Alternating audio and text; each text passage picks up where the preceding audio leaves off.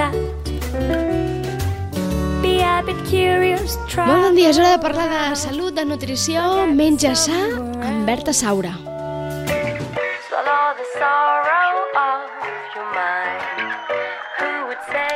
Molt bon dia, Berta. Bon dia.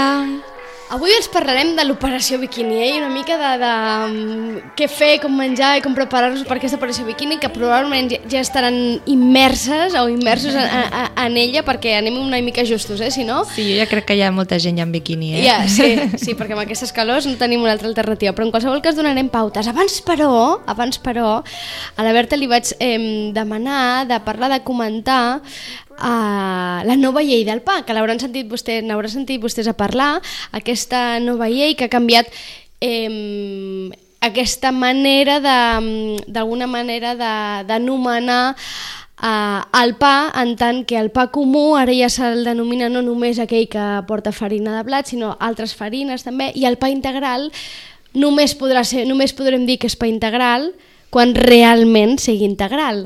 Aleshores, clar, és veritat que ara Exacte. tenim una mica d'embolic al cap, eh, Berta, amb això del Vale, pa. aquesta nova llei que, que han posat eh, impedeix que segueixin venent el pa integral i, o pa de sègol o pa de massa mare, que en veritat no ho és. Vale? Hi ha molta publicitat enganyosa ara mateix sobre pans que estan mm, doncs, passant doncs, processos mecànics que destrueixen doncs, nutrients que no porten farines de veritat, sinó que porten maltes o colorants i bé, doncs s'ha legalitzat perquè finalment doncs, puguem consumir doncs, un pa de qualitat sense publicitat enganyosa. A més a més, eh, el 75% ara mateix de, del pa que es ven es diu que no és de qualitat. Que és moltíssim. És moltíssim. Que al fons, això Sí. quan escoltes penses, caram, doncs probablement estigui menjant cada dia un pa de, no, de, no. de gens bona qualitat. Sí, és que realment a dia a dia ens, ens volem cuidar molt i no tenim en compte, per exemple, d'anar a un restaurant, un bar i que ens posin un pa de, que normalment és el que passa de, de, de mala qualitat, que ve congelat, que ve en porcions individuals o que no està ben cuit, d'acord? Aleshores, bueno, pues ara doncs, esperem, no? desitgem que tot això canvi i Que de fet aquesta nova llei el que pretén, entre altres coses, és precisament això, no? que quan demanem un pa integral ens garanteixin, o sigui, que ens, se'ns garanteixi que aquell pa està fet amb 100% d'harina integral i no com fins ara, en el que el percentatge de la farina integral moltes vegades era molt menor i deien integral per allò d'un reclam publicitari, no? Perquè, per, per tapar consciències, no sé ben bé per què. D'altra banda, el pa comú eh, ja no és només aquell de, de farina de blat, és a dir, que això d'alguna manera també mm, ens ve a dir que cada vegada demanem més i hi ha més eh, demanda de pans, de pa d'altres farines, no? Pa d'espelta, pa de- d'altres farines que no Exacte. tenen res a veure. Ara també eh, tots aquells pans que, que no continguin un 30% mínim d'aquests cereals que li diuen, doncs no seran, no serà un pa comú, no es podrà vendre també. Igual que amb els pans de massa mare, si no portés un 5% de massa mare, doncs tampoc es podrà etiquetar com si fos un pa de massa mare. Que quan parlem de massa mare, exactament de què estem parlant? La massa mare és un, un, una, una, és farina que es posa a fermentar d'acord? I es fa durant uns dies o una temporada bastant llarga, hi ha gent que té durant, durant anys, doncs aquesta que és com un, un llevat que, natural que fa créixer el pa, que el fa fermentar... Que Amb una fa, fermentació natural. Fermentació natural, exacte, que això pues, el que provoca és doncs, una millor digestió i assimilació dels nutrients i bé, que, que el pa no porti químics, simplement Exacte, això. és a dir, que no hi ha un llevat químic que, que acceleri la fermentació, Exacte. sinó que és una fermentació natural, Natural, i, i per sí. tant això garanteix doncs, eh, una més, major qualitat eh, del pa. Doncs més o menys ho deixem aquí, el tema del pa, és el que volíem comentar, perquè n'he- n'hem parlat i clar, dic, aprofitem que tenim una nutricionista aquest estiu i anem a parlar una mica d'això del pa, dels pans integrals i tot aquesta, aquest soroll que ha fet aquesta nova llei del pa. I ara ens endinsem en l'operació biquini. Arribem una Exacte. mica tard, ja ho hem dit, eh? però mai és tard si la dita és bona. Vale, jo penso que, primer de tot, no s'ha de fer, no s'ha de dir el concepte dieta, vale? sinó que s'ha de fer un canvi d'hàbits, una reeducació nutricional, d'acord? Començant per aquí. No hem de fer dietes molt hipocalòriques, sinó de treure aliments que no ens van bé i de posar-ne d'altres que ens beneficien. Jo sempre he dit, deixem passar i deixem entrar, ¿vale? Aleshores, hem, el que hem d'intentar? Doncs evitar tots els refinats, ja porto dos, els dos dies que he vingut Dient- explicant Sí, sí. els refinats i els sucres, eh? sisplau, evitem tot allò que sigui pa blanc, sucre blanc, tot el que han posat en processos de refinació. Tots aquells aliments processats, que també en parlo sempre, no? els que portin additius, que portin colorants, que portin excés de sal per conservar, d'acord? Tots aquests aliments els intentem evitar. Els sucres, Per descomptat, eh? ens ha quedat claríssim, el sucre sí, no... Sí, sí, alguna mica de quantitat de sucres naturals esporàdicament, d'acord? Però intenta evitar-los. L'alcohol en excés, eh? atiborrar-nos d'alcohol tampoc és bo perquè ens infla molt. Això a I tampoc és saludable. Clar, eh? Però que una cerveseta a l'estiu fresqueta a la platja, sí, clar, podem, és podem. impossible, no? dins de la nostra cultura, no posar aquella copeta de vi a la nit que t'ha anat bé de gust. Que a més, I si no, entrem en aquest res. concepte que deies de dieta, que és aquesta cosa restrictiva que et fa Sí. posar de mal humor i que tampoc es tracta d'això, no? És a dir, hem de gaudir de la vida també, no? Exacte, exacte. Ha d'hi haver un equilibri entre tot, no? Després, l'accés de greixos saturats, procedents, procedents de carns de mala qualitat, d'acord? Els lactis. Jo no sóc gaire partidari dels làctics. Aquí tindríem bastant de conflicte. Un dia en parlem, alguna- un dia en parlem de làctics. Sí, de només, làctics. Només de làctics i d'aquesta um, història de llet sí, llet no, i si les llets mm, d'avena i tot això són llets o no són llets, si són prou saludables o no prou saludables. Un dia parlem, però en qualsevol Perfecte. cas, ara, per aquesta operació biquini o aquesta, mm, aquesta, aquest inici cap a l'alimentació saludable, Jo els reduïm les trauria. dosis o els trauria? Sí, jo els trauria perquè són una mica proinflamatoris. Aleshores, en el moment de treure'ls, doncs també ens ajuda a desinflar-nos millor. Igual que el que passa amb el gluten. També hi ha molt de conflicte de dir gluten sí, gluten no. Bé, gluten, evidentment, si no tens tolerància al gluten, doncs l'has de treure. Però també ajuda molt a la dig- digestibilitat de, dels aliments, a la, a la digestibilitat de l'alimentació. Aleshores, si tens digestions pesades, doncs intenta evitar-lo durant un mes, a veure què passa, a veure si millores, no? O, o minvar la seva quantitat, ¿vale? D'acord, què més? Ara, doncs, què hem d'au- d'augmentar? Clar, anava a dir, ara aquí has dit allò de tanto sale, tanto entra, que deja, no? Com has dit això? Dejen salir i De- dejen entrar. Dejen salir, dejen entrar. Hem deixat sortir bastantes coses, ara que, que deixem vale. entrar. A veure, eh, doncs els integrals, vale? per exemple, el pa integral, Que ara ja serà 100, integral, 100% ara ja serà. farina integral, que no ens enganyin, eh? Verduri, ai, verdures, sobretot les de fulla verda, la fruita, sucres naturals, eh? greixos saludables, que són aquells que són antiinflamatoris, com per exemple els que venen de l'omega-3, dels peixos blaus, dels fruits secs o de les llavors, de l'alvocat o de l'oli d'oliva. O si no, també un aliment que és molt desconegut i que a mi m'encanta posar a les dietes amb els meus pacients perquè ajuda molt, són les algues. Ah, Mm? Les Les, plantes del mar. caram, però i com es cuinen les algues? Doncs les algues hi ha moltes maneres de cuinar-les i hi ha molta varietat, també en podem parlar algun dia. Normalment doncs s'hidraten i es poden menjar tant crues com per exemple amb una amanida, com bullides amb un caldo, amb un, i simplement bullint un cereal i poses un trosset i ja mineralitza tot el plat. I ens ajuden a arrossegar els metalls pesants i les toxines que tenim dins l'organisme. A més a més ens ajuden també a augmentar el metabolisme perquè ens aporten molt de ioda que va directament relacionat amb la tiroides. I tenen val? gust fort, les algues?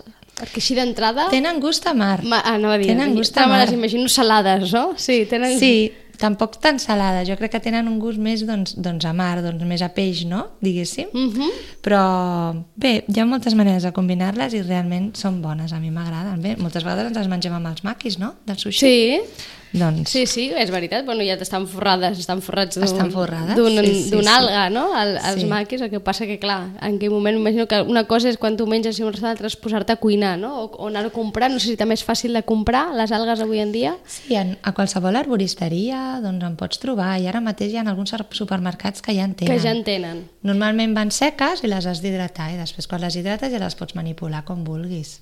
Molt bé, Vale. doncs prenem nota, les algues, incorporar les algues a la nostra alimentació, a la nostra Sí, sí. dieta diària. Què més? Els cereals integrals, vale? tots aquells que conserven les seves vitamines, minerals i fibres abans que tots els refinats, d'acord? Sigui quinoa, sigui arròs integral, pa integral, d'acord? D'acord. I les proteïnes vegetals, molt important. Intentarem fer un, 70%, un 75% de proteïna vegetal i un 25% d'animal. Vale? Així ens estalviem menjar molts greixos saturats, Uh -huh. menjar menys colesterol i augment- augmentar la salut cardiovascular i l'obesitat. diari, entenc que estàs parlant d'un percentatge diari, és a dir, en el nostre Sí. plat, el, en el nostre menú diari, Menú diari, sí. el 75%, o sigui, de, de tota la proteïna que mengem, que el 25% sigui de proteïna d'origen animal i el 75% vegetal. Exacte, D'acord? sí, sí. I això s'aconsegueix doncs, augmentant el consum de les llegums, dels cereals, dels fruits secs i les llavors, val? i també d'alguna proteïna vegetal tipus tempeh, tipus tofu, Tofu. o seitan. Vale? Són menys conegudes aquestes, però realment si, si ingerim una miqueta de llegum cada dia, cereals em, integrals, com sigui l'arròs, la Sí. quinoa, com us deia abans, i una mica de, de, de, lla- de llavors, com les pipes de carbassa, pipes de girassol, uh -huh. o els fruits secs, doncs aquí i aconseguim tota aquesta proteïna que... Per tant, un bon àpat al dia, d'un dia, per exemple, per menjar, seria un plat de- d'arròs integral amb, amb cigron, bueno, amb qualsevol llegum, i amb unes quantes pipes o alguna cosa així, i això ja tindria la suficient quantitat de proteïna Exacte. com per que no fes falta el tall. Exacte. Que és, que és una mica un tema, abans parlaves d'hàbits, no? és un tema molt d'hàbits, no? que, que estem acostumats a que de, hi hagi un primer i un segon, segon que de- sigui tall. Sí, un tall, un peix, carn o ou. Aleshores, bé, doncs potser ara doncs, seria bo a l'estiu doncs, que fa més calor doncs, poder fer amanides completes, doncs amanides de llegum amb cereal, verdura de fulla verda, Berta, una tu mica de aconselles als teus, als teus pacients em, que l'àpat del dia sigui un únic plat, un plat únic, o que separin els plats? Mira, jo com que ho faig bastant personalitzat a cada persona i als seus hàbits no, i als seus horaris, doncs mm, sempre ho faig escollir. I al final cadascú En els hi del que- plantejo, sí, sí, potser els hi dic, mira, doncs fas una petita amanida i després fas un cereal amb llegum i l'acompanyes de verdures, o fas, per exemple, una crema freda, com pugui ser un gazpacho, i després fas un principal, doncs per què no? Doncs pot haver-hi proteïna animal, fas un ou, Uh -huh. una truiteta i poses uns espàrrecs i una mica d'arròs integral, per exemple, no? Però sí, dono bastant a escollir segons cada persona. Hi ha gent que està molt acostumada al primer i al segon, aleshores bé, doncs cap problema. Però no cal, no és necessari que aquell segon sigui tall, eh? que sigui tall animal, sempre no fa falta. Exacte. És que és aquella cosa que tenim que ens ve, ens ve heretada. Em, I digues, superimportant, no amb postres. Això és bàsic, eh? ara ens I va tan bé, va tan bé. Et pots endur els postres a mig matí o a mitja tarda. I així ja fas aquell snack, que pot ser una fruita, un grapadet de fruits secs o de llavors. Això costa, eh? Això ens costarà, ens costarà. Sí. I alguns, a mi em costarà. O sigui, acabar sense postre és una mica sensació de que no acabes de dinar. És aquesta sensació que tenim molts, no? Que si no, no faig les postres com que no he acabat de dinar. Em falta Sí. sí. aquell gust o de la fruita, no sé què. No, és millor fer-la a deshores. Jo retaria a, a tothom a que provés de no fer postres durant una setmana a veure quines digestio, digestions té i quina energia té després de, de, de menjar. Perquè fer postres, què és el que, què és el que ens implica a nivell d'això, a nivell que deies d'energia, a nivell de, de digestions... Doncs el que provoca, doncs, per exemple, posem com a exemple una fruita, d'acord? Nosaltres després d'ingerir un primer, un segon plat o un plat principal, eh, el nostre estómac doncs, està ple d'aliment, no? Uh -huh. I, I el va digerint. Aleshores, en el moment que posem aquesta fruita, que està com si diguéssim al capdamunt no, de l'estómac, doncs a vegades pot provocar una petita fermentació que no és bona i provoca més gasos, menys digestió i tots aquests nutrients, com que, com si diguéssim, la olla està bullint tan fort doncs aquests nutrients no s'acaben d'absorbir a nivell intestinal. No? Aleshores és millor fer-la sola, on, les, on, on, on el nostre cos doncs, està com si diguéssim una mica més lliure i absorbeix millor tot, tota aquesta quantitat de nutrients i, i, i ho digereix. Per tant, prenem nota, de, a, a, eh, apartem les postres. Clar, ens has plantejat un, una operació biquini que en el fons aquí no, deixe, no deixem de menjar gens. No, no tens per què passar gana, sincerament, jo crec que no. Ningú passa, eh? Però bé, eh, és canviar hàbits, simplement canviar hàbits i substituir tot allò doncs, que no ens aporta res o que ens aporta doncs, més calories de lo normal, com puguin ser greixos saturats, sucres refinats, doncs per coses que més quan diem naturals. greixos saturats estem parlant, ja ho sabeu, eh? dels embotits, entre altres coses, d'aquella carn que ens ven pesada, que no és ni carn ni res, i ara li dic aquelles salsitxes de Frankfurt o aquelles coses, clar, tota, totes aquestes coses les hem d'eliminar de les nostres neveres. Entenc que aleshores el principal canvi comença amb la compra? I tant, i tant. Hem d'anar més als mercats, hem d'evitar anar a supermercats i comprar totes aquelles coses que venen etiquetades amb envasos, amb colors, amb publicitat enganyosa eh, i hem d'anar a comprar el producte sencer, estèril i natural. Uh, no cal que sigui ecològic, pot ser de proximitat, anar a una peixateria, anar a la carnisseria, eh, anar a comprar a granel també és molt, molt, molt important i cada vegada ho hauríem de fer més perquè realment ens estem carregant el planeta i hauríem de prendre més consciència. I jo crec que fer tot aquest recorregut de, tan, tan bonic, que és tan... Bueno, per mi és, és algo més del dia a dia que a mi m'encanta, doncs eh, a poc a poc et va com també in- incitant no? a cuidar-te i, i, i a cuinar i, i bé, doncs a, Clar, el que passa que realment després tu entres en un supermercat i està pleníssim de gent, no? Dius, caram, és realment canviar, aconseguir que la gent que canviem aquests hàbits costarà, perquè no es tracta de no anar al supermercat, però anar al supermercat a comprar no aliment, perquè probablement, és el que deia, hi havia un, un, un nutricionista molt famós, ara no recordo qui és, crec que era Julio Basulto, que deia que en el supermercado no hay, hay productos, no hay alimentos, o alguna cosa així, no? que explicava que... amb- tot productes industrialitzats i la veritat que no, que no ens aporten res i realment jo si mireu les hores més puntes on està més ple el, el supermercat són cap a les 7, les 8 del vespre, que la gent acaba de treballar, va ràpid, és que hi ha molt d'estrès, és que tot, tots treballem molt, tenim horaris molt complicats i és molt difícil conciliar una bona alimentació amb, amb, amb la vida que portem, no?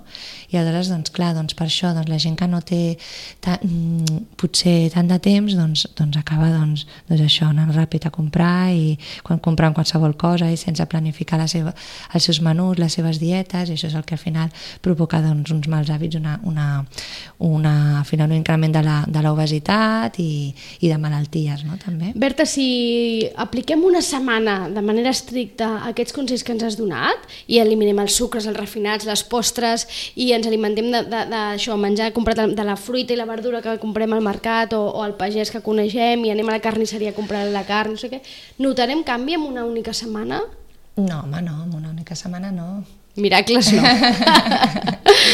Podeu notar que, que teniu, doncs, doncs, que va canviant tota l'energia, no? Potser que sí, que hi ha gent que només canviant hàbits, jo m'ho he trobat molt a la consulta, només canviant petits hàbits s'aprimen moltíssim, no? Fan un desbloqueig a l'organisme i en una setmana, doncs sí, doncs, doncs perden pes, no? O se senten molt millor. Però és algo que és un canvi que és progressiu, jo sempre dic que és de per vida, no? No és algo... Si tu tens una tendència a tenir un augment de pes o obesitat, doncs, ostres, com aquest que té colesterol, no? Doncs, ostres, ha de vigilar amb segons quins aliments menja.